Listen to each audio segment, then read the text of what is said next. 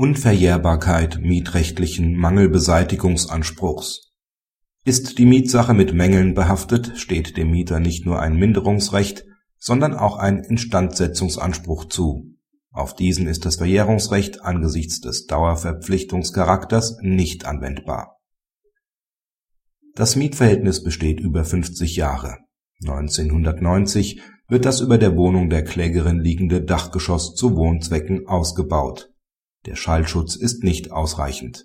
Erst 2006 verlangt die Klägerin von der beklagten Vermieterin die Herstellung eines ausreichenden Trittschallschutzes. Diese erhebt die Einrede der Verjährung.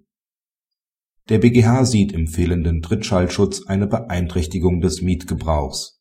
Daher ist der Vermieter nach § 535 Absatz 1 Satz 2 BGB verpflichtet, diesen herzustellen der Anspruch der Mieterin ist auch nicht verjährt. Es liegt ein Dauerschuldverhältnis vor, das ihn verpflichtet, die Mietsache während der gesamten Mietzeit in einem gebrauchstauglichen Zustand zu erhalten.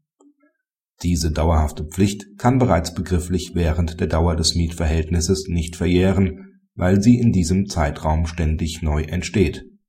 Praxishinweis die Entscheidung entspricht der Rechtsprechung des BGH aus den vergangenen Jahren bei sich ständig wiederholenden Verletzungen von Dauerverpflichtungen.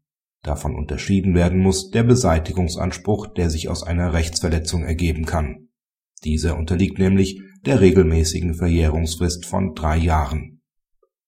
Erfolgt demnach die Beeinträchtigung des Mietgebrauchs durch einen Dritten, können Ansprüche gegen ihn aus § 1004 und 858 fortfolgende BGB verjähren, während der für die Beseitigung ebenfalls einstandspflichtige Vermieter sich wegen der aus § 535 Absatz 1 Satz 2 BGB erwachsenen Dauerverpflichtung nicht entziehen kann